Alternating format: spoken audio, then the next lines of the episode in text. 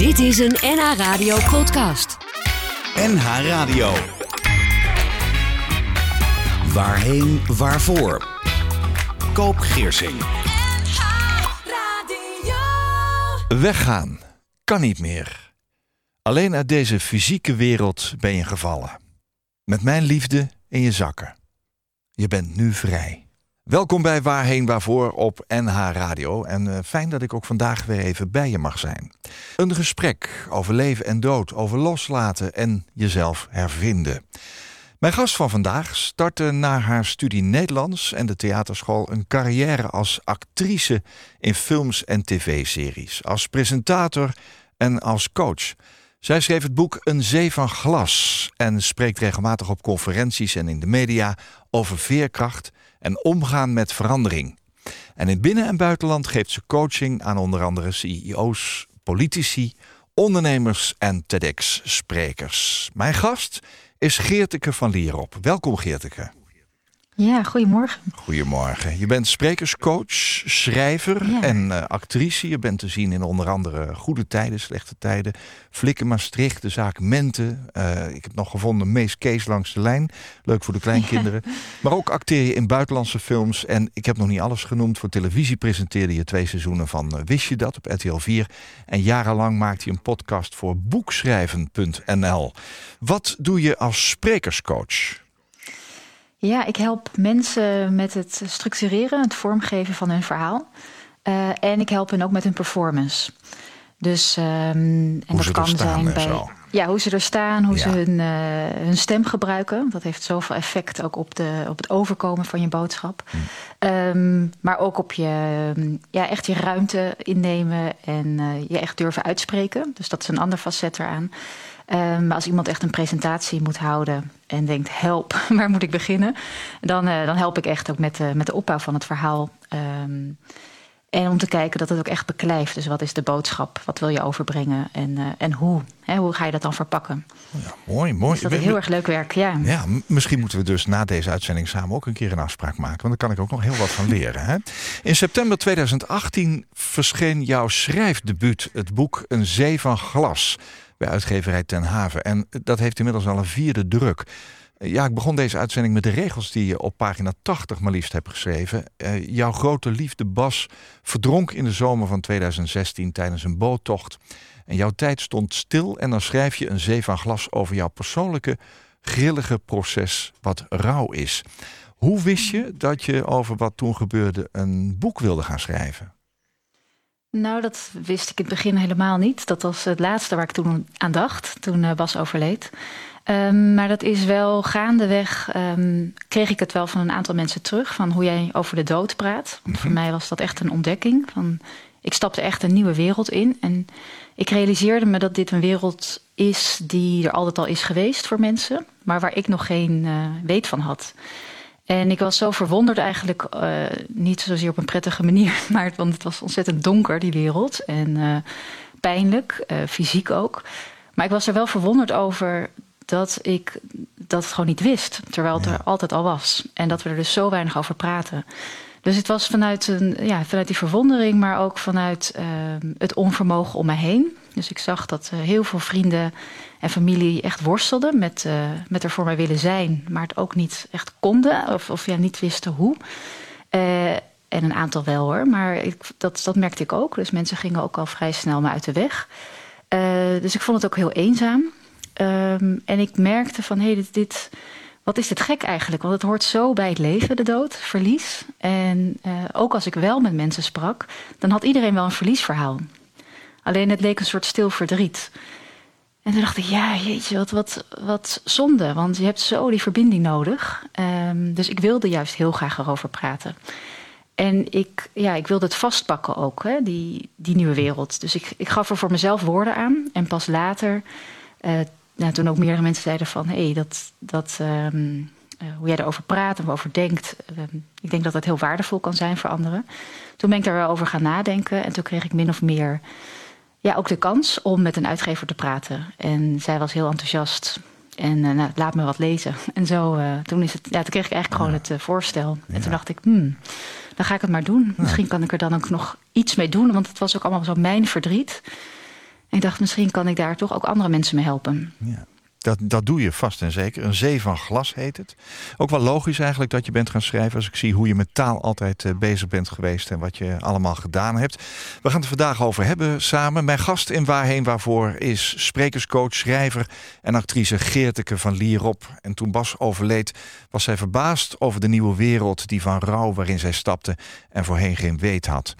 Vrienden, bekenden gingen haar soms uit de weg... of probeerden haar pijn al snel weg te praten, gewoon uit onvermogen. Geerteke voelde het grote ongemak, terwijl verlies en de dood bij het leven horen. Ze wil met zee van glas dood en verlies bespreekbaar maken. 2016 is het jaar waarin het noodlot toeslaat in jouw leven. In jouw boek Een Zee van Glas schrijf je... Je neemt niet op. Je neemt altijd op. Hoe verliep die noodlottige dag op 29 augustus? Um, ja, um, het gekke is dat, dat mijn lichaam al eerder aangaf dat er iets uh, mis was. Oh ja? Um, ja, dat vind ik nog steeds wonderlijk. Dat, uh, inmiddels ben ik er wel achter gekomen dat het lichaam zoveel vertelt. Uh, en dat het de kunst is om daar goed naar te luisteren, te blijven luisteren. Wat gebeurde er? Nou, ik was ja, constant had ik het gevoel dat er iets heel ergs was gebeurd. Um, terwijl ja, Bas ging varen en het was een hele mooie dag. Het was echt zo'n tropische dag. En um, hij kwam niet thuis. En um, nou, ik dacht nog, uh, het is mooi weer en hij heeft vrienden ontmoet. Of, je, je, hebt allemaal scenario's. Maar hij neemt altijd op. En hij, ook als hij niet bij mij zou slapen, dan zou hij altijd een berichtje sturen of zou hij me bellen. En dat, ja, voor mij zijn daarom ook die, die twee zinnen, dat was zo. Ja, toen wist ik het of zo, op een gekke manier. Dus ik, je hebt nog ergens hoop. En tegelijkertijd had ik dus ook weer geen hoop, omdat mijn lichaam al aangaf van het is niet goed. Um, en ik heb ook nauwelijks geslapen die nacht. En ja, ik werd echt heel, heel misselijk wakker. Uh, en dat je dan al weet, ik wist toen al van ja, alles is nu anders. Uh, en het wordt nooit meer hetzelfde. Het is, wel, ja, het is heel moeilijk om er woorden aan te geven. Ja, een, uh, um, ja en toen heb ik um, vroeg gebeld. Uh, ook naar de jachthaven. En hadden ze hem gewoon gezien. En ja, je gaat op onderzoek uit. Ik voelde me echt een soort detective. Um, en, maar ik vond geen spoor. Dus ik vond zijn boot ook niet. Ik, ik, ik, ja, dus, dus ik, al, niks klopte. Dus zeg maar al die de, de normale gang van zaken je hebt natuurlijk allemaal samen heb je ook eh, routines opgebouwd. Ja. En dat, uh, het klopte niet. Raakt hij in paniek ook op de een of andere manier? Um, ja, maar vooral, ik denk bij mij heel intern. Dus ik, uh, ik implodeerde, denk ik. Um, ja, ik was vooral ik was heel, heel erg ongerust. En uh, bang ook. Um, en toen de politie mij belde met het uh, nieuws dat ze zijn boot hadden gevonden, maar dat hij spoorloos was, toen wist ik, uh, hij is dood. Dus ik had Jeetje. echt geen. Ja. En dat wist ik eigenlijk, wist mijn lichaam het dus al, maar. Dus zij waren nog bezig met een zoekactie. En ik dacht, ja, nee, hij ligt in dat water. Weet je, dus, dus Ja. stop maar met een. ehm, met om je heen vragen, hè, van heb je hem gezien? nee, hij is dood. Dat, dat wist ik echt, dat wist ik 100% zeker. Ja. ja. Toch had je bevestiging nodig. Hè? Dat werd ook bevestigd. Wat Ja. deed dat met jou toen? Um, ja, heel, heel erg pijnlijk. Um, het is echt een nachtmerrie waarin je dan stapt. Dus iets wat je wel eens hoort en leest. En dat is dan altijd ver weg. En als het dan jouw leven raakt, uh, ja, het is niet te bevatten. Dat is, het is niet te bevatten. En tegelijkertijd de pijn die ik voelde, uh, ja, zorgt er ook voor dat, dat je gewoon weet, het is waar.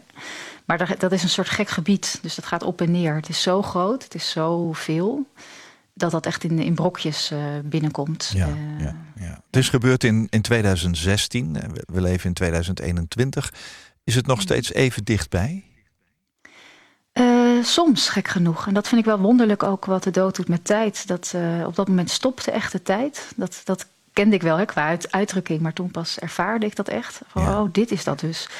Uh, en ik stapte echt een andere ruimte in. En het wonderlijke vind ik dat ik dat nog steeds kan hebben. Met op gekke momenten. Kan door, nou, door een liedje zijn, door een zin, door iemand die op hem lijkt. Iemand die iets aan heeft wat hij ook had. Uh, of weer zo'n tropische dag. Dus in de zomer bijvoorbeeld, dan zie ik weer bootjes. En dat, Ja, dat blijft. Dat blijft ook echt bij mij. Dat gaat nooit weg. Nee. En het, en het, het water? is ook fijn. Ja, het water is, ehm, dat was zijn lust en zijn leven. Ik bedoel, hij, uh, hij was het liefst, hij was fotograaf, maar hij was ook het liefst aan het varen. Zo, zodra het kon, dan, uh, dan zat hij weer op de boot. Ja. Hij was ook altijd anderen aan het helpen, aan het slepen met bootjes. Dus uh, het was een hele goede zwemmer. Dus nou goed, zo is het zo de paradox hè, dat hij zo. Um, ja, het was echt zijn lust in zijn leven en ook mijn lust in mijn leven. Dus ik, ik ben opgegroeid in Den Haag aan zee. En uh, ik woon in Amsterdam ook aan het water. En, um, is het water nu veranderd dus voor je dan, in zekere zin? Nou, toen wel. Um, het, is wel het is wel zeker veranderd. En in die eerste jaren uh, vond ik het soms ook heel pijnlijk, het water. Maar tegelijkertijd is het ook mijn liefde en was ook zijn liefde. Dus um, het is de dubbelheid, hè? het is ook ja. Bas. Dus het is in die zin ook, ja, dat is gewoon de pijn is liefde, of de verlies is liefde. Ja. Het, het, het, zit, ja, je kan het niet lostrekken van elkaar. Dus Nee. ik, uh, ja. gelukkig hou ik nog steeds heel erg van het water. En kan ik er ook naar kijken, naar de schoonheid, naar de, ja, de ruimte die het me geeft. Ja. Zonder dat ik de pijn voel van het verlies. Een zee van glas heet jouw boek, uh, uitgegeven bij Ten Haven. Daarin beschrijf je eigenlijk je gevoel en wat er met je gebeurt. Het jaar, zeg maar, uh, ja, volgend op zijn dood.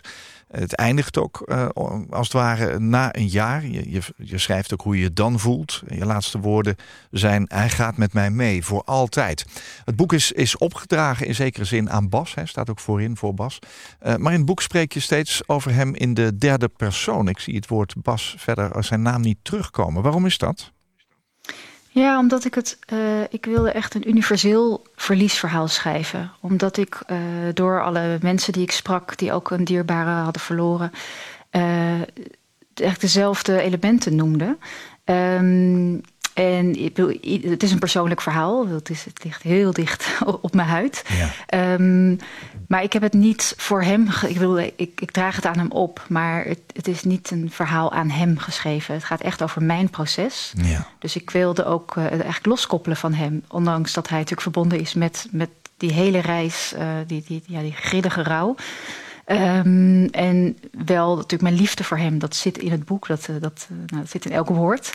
Uh, dus in die zin is hij erbij. Maar ik wilde echt een venster openzetten eigenlijk op elke pagina. En um, dat mensen zich erin kunnen herkennen. En dus daardoor wilde ik het ja, zo kaal mogelijk houden in die zin. Ja. Dus dat het veel meer gaat over hoe voelt het om in rouw te zijn.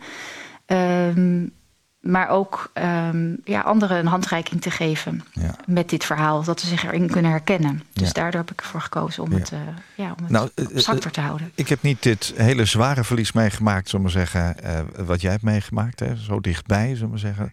Um, maar ik herken heel veel dingen. Wat je doet is dat gevoel, je noemt het zelf kaal, ik noem het de essentie.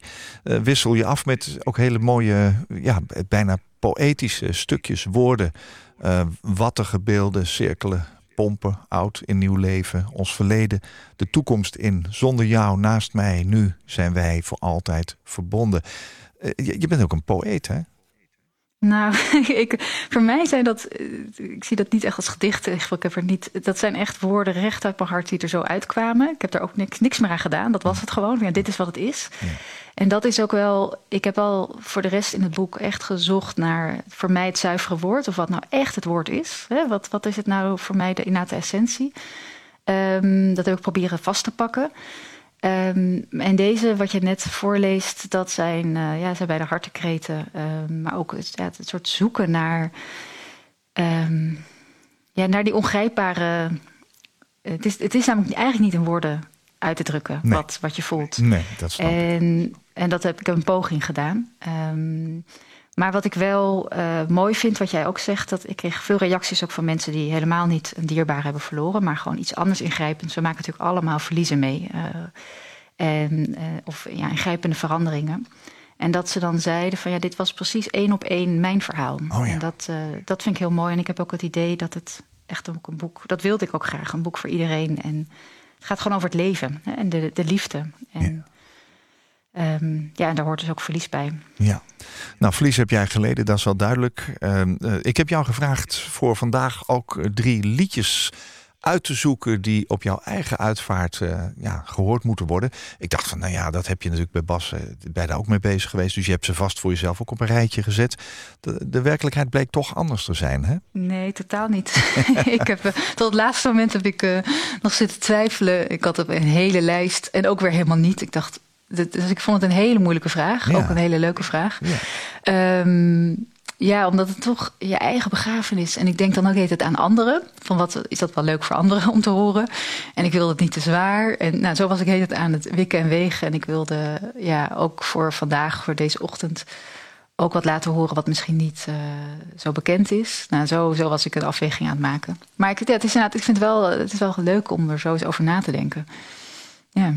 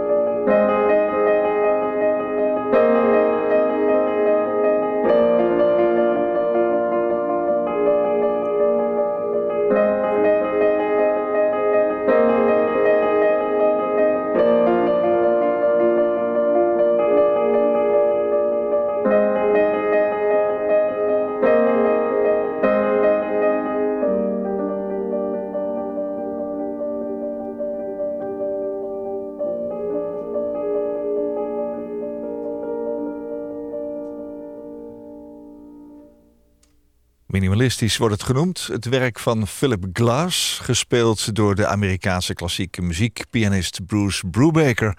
Met de titel Opening. Een bijzonder nummer, Geerteke. Waarom heb je dit gekozen? Ja, het is een nummer waar ik heel graag naar luister. Ehm, ik luister net graag naar, zeker tijdens het schrijven, naar pianomuziek en naar net vaak ook minimalistische pianomuziek. Ja. Ehm, ja, ik, ik, het, zorgt voor mij voor reflectie. Dus het, het opent me. Het heet ook opening. Ja, um, dus dus zo, komen er bij mij altijd nieuwe ideeën. Het, het, zorgt ook voor een bepaalde rust. Um, dus ik, ik, stap dan echt even een andere ruimte in, als het ware, met, uh, met deze muziek. Um, en ik weet natuurlijk niet of dat voor anderen ook zo is. Uh, op mijn begrafenis, hoe, dat, hoe dat zou overkomen. Het geeft wel maar rust. Ik vind het, een, het geeft rust en ik vind het een, een licht nummer ook. Hè? Ja, door die opening, het opent echt. En ik zie het ook als, um, ja, de dood is ook niet het einde. Hè? Het voelt zo, het is natuurlijk heel definitief, dat is natuurlijk zo. maar het biedt ook uh, een opening, als het ware. Ja. Dus het, het, zet oh, ook ja. het leven in perspectief. Een handreiking, uh, zou je kunnen zeggen. Ja, ja mooi. Ja. Nou ja, de, de stijl van deze muziek past ook wel een beetje bij de stijl waarop je het boek Een Zee van Glas hebt geschreven. Geertike van Lierop is vandaag uh, mijn gast in Waarheen Waarvoor. Um, daarin zei je ook zo straks, ja, het is eigenlijk geen dagboek gericht aan Bas. Hè. Bas overleed, uh, is verdronken in 2016. Uh, je schrijft niet aan hem, maar uh, over jouw persoonlijke grillige proces wat rouw is. nou, ik heb de vraag vaker aan mijn gasten gesteld, omdat de betekenis zo persoonlijk is. Wat is rouw volgens jou? Ja, dat is, vind ik nou heel moeilijk te beantwoorden. Het is een. Um, het is eigenlijk ook het antwoord op de liefde die ik verloren ben. Um, en het is een, een, ja, ik noem het dus inderdaad een soort grillige reis. Het is een, uh, een, een, wereld, een, een, echt een aangetaste wereld die ik instapte. En uh, waarvan je ook niet weet of je, uh, waar het licht is. Dus niks, alles niks is meer zoals het was. Ja. Alles is, nou voor mij was alles donker, maar Ja. of vreemd vooral. Uh, dus ik vond niet alleen donker. Uh, wat licht was, was, was juist heel fel. Dus alsof al mijn zintuigen uh, wagenwijd open stonden. alles kwam binnen. Ik werd er alles geraakt. dus ook de schoonheid ehm, kwam ook meer binnen. tegelijkertijd. In de tijd dat ik zo, zo in die rouw zat. Um, maar ik voelde me echt ontheemd en, en vervreemd. Uh, in Heb de je ook lichamelijke pijn bijvoorbeeld gehad? Ja, heel, dat, is, dat is ook heel fysiek uh, rouw. Um, en dat is denk ik het, het, verlies alsof met het verlies van Bas... alsof er ook een deel van mij verloren ging. Alsof je echt een stuk uit mijn hart meetrok. Zo heb ik het ook gevoeld die nacht toen hij overleed. Um, ik voelde het echt. Ik voelde gewoon een, een, echt een gat in mijn hart. En ademen deed pijn. Um, ja, ik voelde constant mijn lichaam. Ja. En ik voelde ook uh, elke ademteug. Uh, en dat is iets wat ik natuurlijk daarvoor nooit voelde. En nu gelukkig ook niet meer. Nee, nee dat, nou, dat is uh, wel mooi dat je dat zegt. Want ik vraag me dan af, hoe lang duurt zoiets? En dat kun je waarschijnlijk voor niemand persoonlijk uittekenen. Maar hoe is het nu bijvoorbeeld? Ja, het is nu uh, gelukkig heel licht weer. Uh, met natuurlijk ook altijd weer donkere stukken. Want ik bedoel, verlies stopt niet. Dat heb ik inmiddels ook ervaren. Het stopt niet bij, uh, bij de dood van Bas. Nee. Maar de, de donkerte die ik toen heb ervaren en de pijn, ook die fysieke pijn, die voel ik gelukkig al, al jaren niet meer.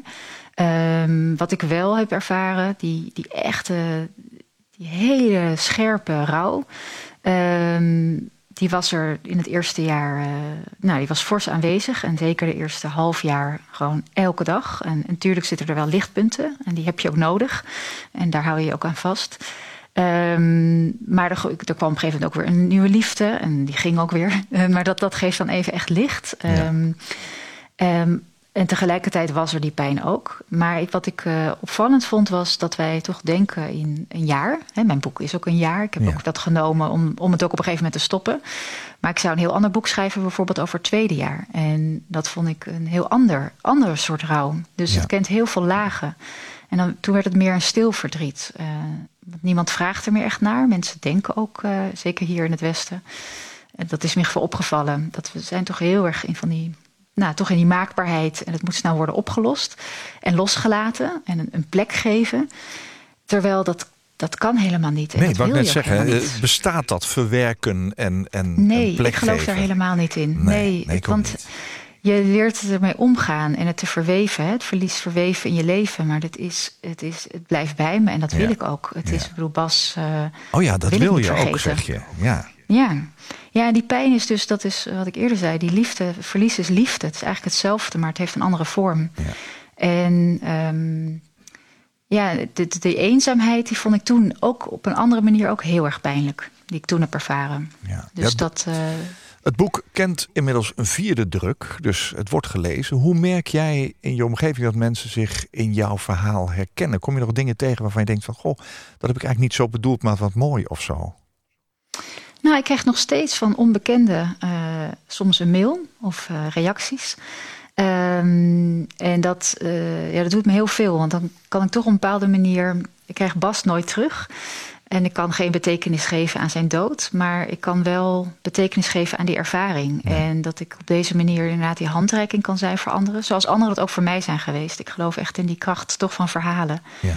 Eh, en als ik dat dan terugkrijg, eh, ik vind het dus ook juist mooi als het. ehm, ja, als iemand wel misschien net helemaal in die rouw zit, maar ook door het lezen eh, iets terugkomt na wat, wat misschien tien jaar geleden gebeurd is, maar dat dat ja, altijd inderdaad een stil verdriet was. En Ja. dat het dan via mijn boek in één keer weer de ruimte kon krijgen. Ja. Dat, eh, ja, dat, dat doet me heel veel. Dat, Hoe eh, is fijn, hoe mooi. fijn is dat, dat je, dat je met mensen praat die kunnen bevestigen dat wat jij gevoeld hebt, dat dat misschien bij hun ook zo geweest is? Ja, dat, eh, dat zorgt voor die verbinding die ik dus toen niet voelde. Nee. In het begin. Hè? Want ik, ik heb me uiteindelijk wel heel erg verbonden gevoeld met mensen ook die ik niet kende. Ehm, dat ik inderdaad me realiseerde van hey, we zijn echt allemaal hetzelfde. En we hebben, ehm, natuurlijk zijn er verschillen, maar in de kern, in de essentie, ehm, eh, maken we allemaal verlies mee, vroeg of laat. Ja. En ik denk dat dat echt een universeel gevoel is. En eh, we uiten het anders. En eh, je kan niet inderdaad zeggen hoe lang het duurt en hoe hevig het is. Je, je kan het niet vergelijken met elkaar. Maar het is wel iets universeels. Ja, dit eh, verlies is natuurlijk niet alleen maar eh, iemand verliezen. Hè. Je kan ook een relatie verliezen. Je kunt ook een, een, een baan verliezen. Er zijn heel veel Ja. vormen van verlies. En Even terug naar die tijd dat het allemaal net gebeurd was. Want je liet me weten dat, dat vrienden en bekenden, dat zij ook, je soms eh, uit de weg gingen of probeerden jouw pijn al snel weg te praten. Dat is natuurlijk onvermogen. Maar kun je eens vertellen hoe dat ging? Heb je er een voorbeeld van? Ja, ik, had, ik, heb, eh, ik was op de verjaardag van mijn broer. Nou, er waren natuurlijk alleen maar bekenden. eh, Vrienden van hem, maar ook eh, familieleden. En ik, ik stond echt alleen heel lang bij de, de eettafel. Ja. en, ehm, en ik zag wel allemaal mensen naar me kijken en met elkaar praten. Dus dat dacht ik, echt zo'n zo'n setting wat je herkent. Daar staat ze. Daar staat ze. En alsof het heel groot op mijn voorhoofd geschreven stond. Ehm, dat was misschien en dat vond ik zo zo. pijnlijk. Ja, dat was ook zo. Ja. Ehm, en ik vond het dan dus heel mooi dat uiteindelijk dus wel iemand naar me toe kwam. En zei, ik eh, zit al eh, ja, de hele tijd met, in mijn hoofd met, met de juiste woorden. Maar ik heb ze niet. En hoe voel je je? En ja, het feit dat hij dat uitsprak eh, was zo waardevol. Ja. Om, ook te, om ook te horen van, oh ja, dat, dat zit dus in al die hoofden waarschijnlijk. Ja. En het is inderdaad onvermogen en angst om het verkeerde te zeggen. Ja, En, ik, ik, denk dat mensen het herkennen die in diezelfde situatie zitten. Wat zou je tegen hen zeggen om dat te doorbreken? Want nu kwam er iemand op je af, maar wat zou je zelf kunnen doen? Kun je dat opbrengen? Ja, überhaupt? dat is. Ja, nou, dat vond ik dus moeilijk. Eh, ik denk zeker dat er ook een, bij jezelf een deel ligt door gewoon ehm, zelf op de mensen af te stappen. Ehm, maar als je zo, dit was heel vers toen, dit was echt eh, vrij recent na zijn dood. eh, had ik die energie niet. Ik kon niet eh, hetzelfde van je mag me altijd bellen. dat kon ik niet. Dus ik, je bent zo, je wordt zo in beslag genomen eigenlijk door die pijn, dat, ehm, dat het gewoon niet gaat.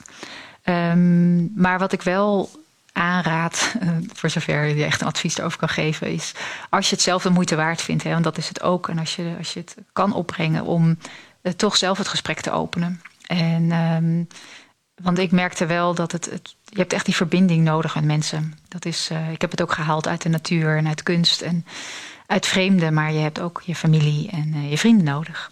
Ehm, maar ik vond het ook weer heel mooi om te ontdekken dat dat niet altijd nodig is. Hè. Je hebt ook andere bronnen. Welke Eh, dat was mijn grootste ontdekking. Nou, dat ik dus die, die verbinding of de troost uh, echt kon halen uit, uit uh, de natuur. Maar dat doe je dan alleen, Eindeloos. Ja, deed ik alleen. Ja, dat je dus alleen voelt, maar ik voelde me dan dus niet alleen. Dat is bedoel ik met die verbinding. Ben je gaan wandelen ik of zo? Me dan, uh, ja, ik ben heel veel gaan wandelen. Dat, dat werd mijn, uh, mijn dagelijkse ritueel. Uh, dat was deels om de pijn te verdoven. Om maar gewoon iets te doen. Een soort grip te krijgen, een soort houvast te, te zoeken. Ja. Um, echt urenlang. En dat deed ik. Uh, ik zat in het begin in Londen voor mijn werk, uh, drie maanden. Dus ik deed het. Ja, natuurlijk van die prachtige parken. Dus dan ben je heel veel in de natuur. Uh, het zijn eigenlijk gewoon bossen. Maar ook in de stad. En ik merkte dat ik daardoor steeds meer open ging. Dus uh, het zorgde voor reflectie. Zoals net bij openingen, bij de muziek. Uh, zo kan, uh, kan de natuur dat ook bieden. En ik voelde me daardoor, ja, ook die nietigheid in de natuur. Ja, dat, dat gaf me ook troost. En ik voelde me minder alleen door, um, uh, door er wel op uit te gaan, door ervaring op te doen. En zo ontmoette ik ook gaandeweg tijdens het wandelen onbekenden. En daar had ik gesprekken mee. En ja, die tilden me echt weer op. Dat was heel bijzonder.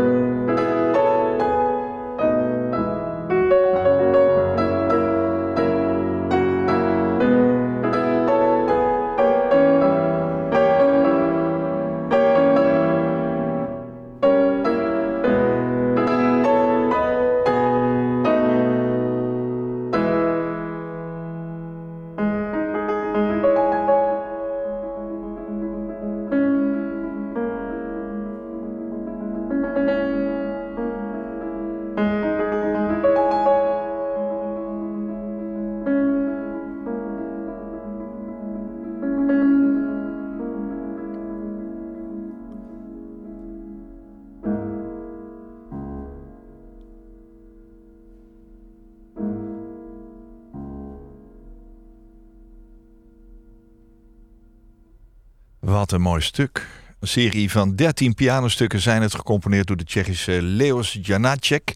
Je hoorde nummer 10, The Barn Owl Has Not Flown Away. En dat betekent de kerkuil is niet weggevlogen. Uh, Geerteke van Lierop is mijn gast vandaag in Waarheen Waarvoor zij schreef het boek Een Zee van Glas. Een jaar na het overlijden van haar partner Bas, die verdronk in het water. Um, je vertelde net, Geerteke, dat je ja, urenlang ook door de natuur hebt uh, gezworven. Nou, als er één liedje past bij die natuur, dan is dat natuurlijk wel uh, uit die serie On the Overgrown Path. Hè? Het, het pad wat helemaal ja. Overwoekerd is. Dit is een van die drie liedjes die je vandaag hebt meegenomen. Waarom heb je voor dit liedje gekozen van die uil? Ja, er zit voor mij heel veel in. Um, volgens Tsjechisch bijgeloof uh, is de uil ook een voorbode van de dood. Oh, echt waar? En, uh, Janacek, ja, en Janacek heeft dit nummer geschreven toen zijn dochter overleed. Oh, ja. um, dat wist ik niet toen, natuurlijk toen ik dit voor het eerst uh, hoorde. Mijn vader liet het horen. Um, van hem heb ik ook de liefde voor klassieke muziek. En um, ja, dat vind ik altijd met, met dit, deze muziek. Uh, daar zitten dan zoveel lagen in. Uh, wat je net zegt, dat overwoekerde. maar, dat, dat, dat, ja. dat woeste, het rauwe. Um, en ook weer het lichte, dat zit er ook weer in. Hè? De, um, die tweeledigheid. Um, ja, en ik, ik voel dan, als ik, dit, als ik dit hoor, dan voel ik ook uh, die natuur. En ook wel de, de stemmingen die ik... Uh, die, die het kan oproepen. Ook. Ja. Positief, maar ook, ook misschien wel verdrietig. Ja, een soort melancholie. Uh, oh ja. En dat is soms ook juist prettig, ja. vind ik. Ja, dat kun je opzoeken. Uh, ja, precies. Ja, ja. Je zegt, we zitten in een ontkennings- en vermijdingscultuur. Hè? Je begon er al eventjes over zojuist. Mhm. Mm -hmm. In tegenstelling tot bijvoorbeeld uh, waar je geweest bent in Mexico en India. Wat trof je daar dan aan wat anders is? Ja, ik heb um, uh, ooit lesgegeven in India uh, tijdens mijn studententijd. En daar, nou, daar, daar is het gewoon in, op de straat. Hè, daar, daar kan je niet omheen. Um, en ik ben daar ook in Varanasi geweest, waar ze lichamen ja, ritueel verbranden Ja. en uh, in de ganges neerleggen en uitstrooien. er zijn zo ongelooflijk veel rituelen rondom de dood. Um, en dat vond ik later. Nou, ik ben nog een keer teruggegaan naar India na het overlijden ook van Bas. En um, toen heb ik dat anders ervaren. Ik ben niet terug geweest naar Varanasi overigens.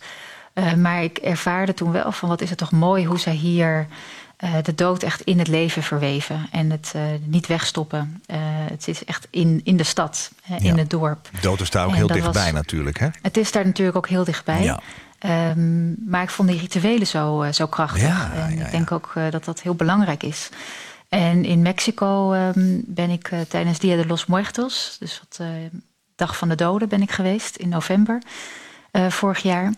En dat vond ik heel bijzonder. Ik heb daar in Mexico-stad, op de grootste begraafplaats, heel veel mensen geïnterviewd. En echt de mooiste verhalen gehoord uh, over hun overleden dierbaren. En daar heb ik ervaren hoe zij die herinneringen levend houden. Oh, dus ja. zoals wij hier het vaak. Ja, ik, ik kon op een gegeven moment niet meer echt over hem praten. Dat, dat moest ik echt zelf, uh, zelf doen. Um, maar ik merkte dat er weinig rituelen zijn hier. Um, um, en ook, denk ik, vanuit onze cultuur. Hè, dus ook uh, in mijn omgeving, dat er weinig nog werd gevraagd naar Bas. Ja. Terwijl erover blijven praten is zo belangrijk. En ook iemand in leven houden, Ja. hè, die er niet meer is. Ja. Waar komt dat vandaan Dus dat- in Nederland, die, dat dat zo'n taboe is? Waarom vinden we dat allemaal zo eng?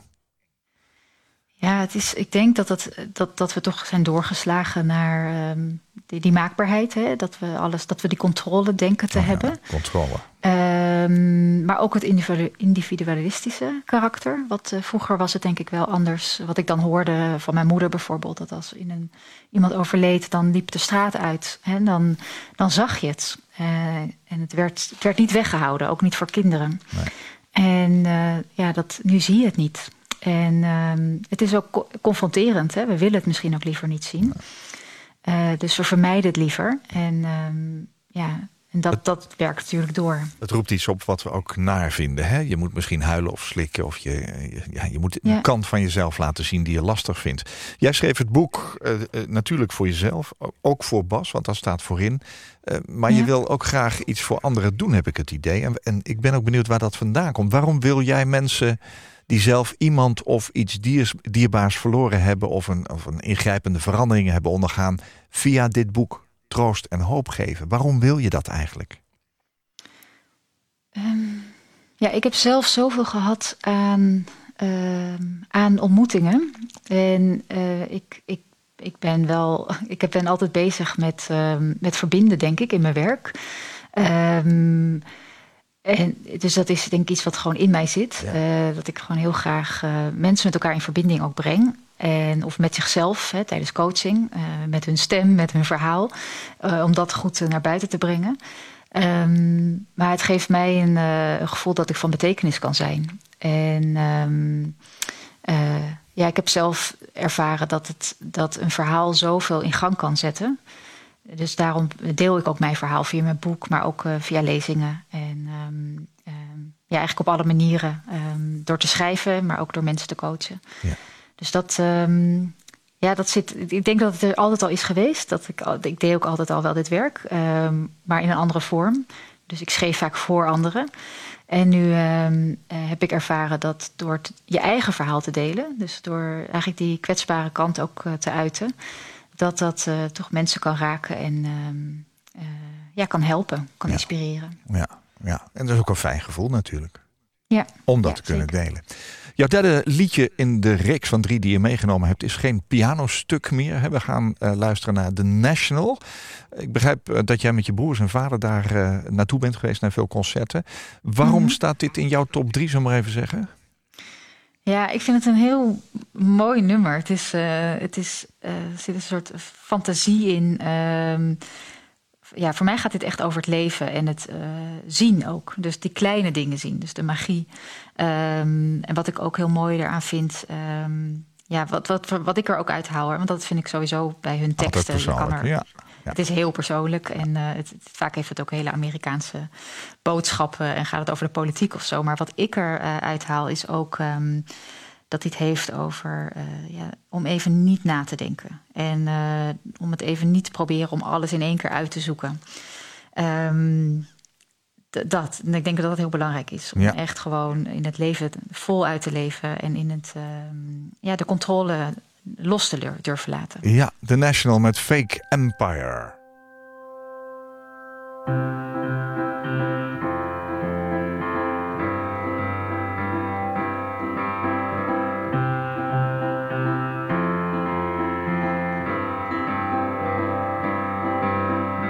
Stay out super late tonight, picking apples, making pies. Put a little something in our lemonade and take it with us.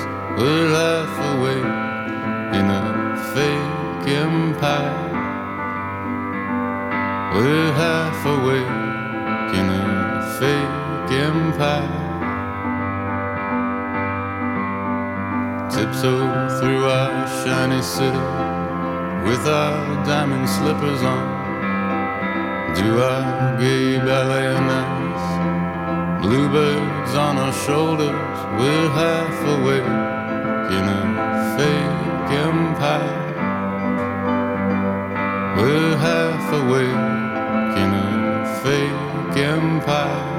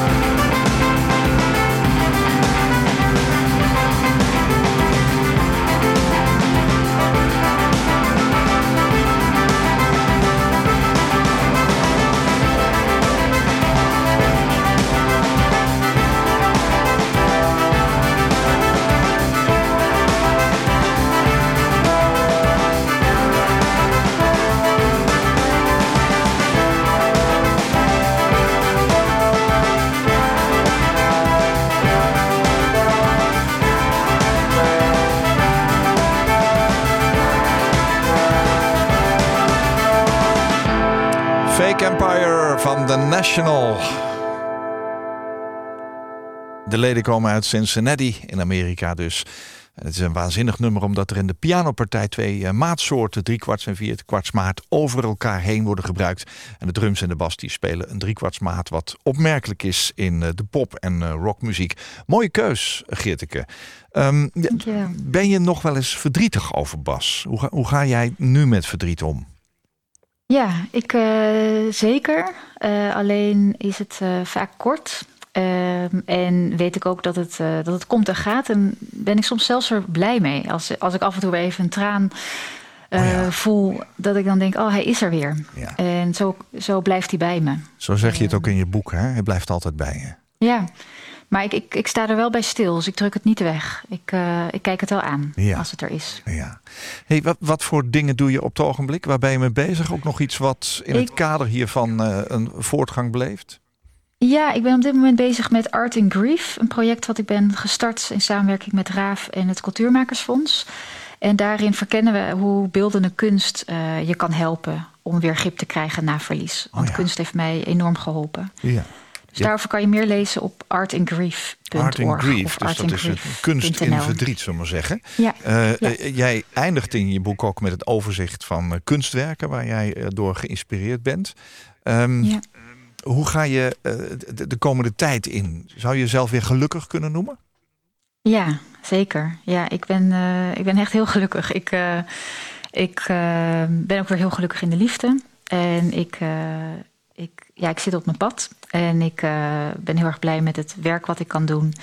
En uh, ja, dat ik leef. Ik voel nog meer, sinds de, ja, de paradoxaal genoeg weer, dankzij de dood, voel ik nog meer dat ik leef. Ja. Oh, mooi. En dat mooi het uh, kostbaar is, waardevol is. Ja. Geerteke van Lierop was mijn gast in Waarheen, Waarvoor. Zij startte na haar studie Nederlands en de theaterschool een carrière als actrice in films en tv-series. Als presentator en coach en spreekt regelmatig op conferenties en in de media over veerkracht en omgaan met verandering. Zij schreef het boek Een Zee van Glas, uitgegeven bij uitgeverij Ten Haven. Geerteke wil hiermee dood en verlies bespreekbaar maken. En volgens haar zitten we in een ontkennings- en vermijdingscultuur die wil ze graag doorbreken. Lex Bolmeijer schreef over Een Zee van Glas in de correspondent een verfijnd boek dat een indringend beeld geeft van wat er gebeurt als je de dood aankijkt. En ik ben dat met hem eens. Dankjewel Geerteke voor je mooie boek. Dankjewel. Fijn dat je er was vandaag. Vond Succes met ja, alles wat je doet. En maak er ook vandaag weer een mooie dag van. Ga ik doen. Koop Geersing.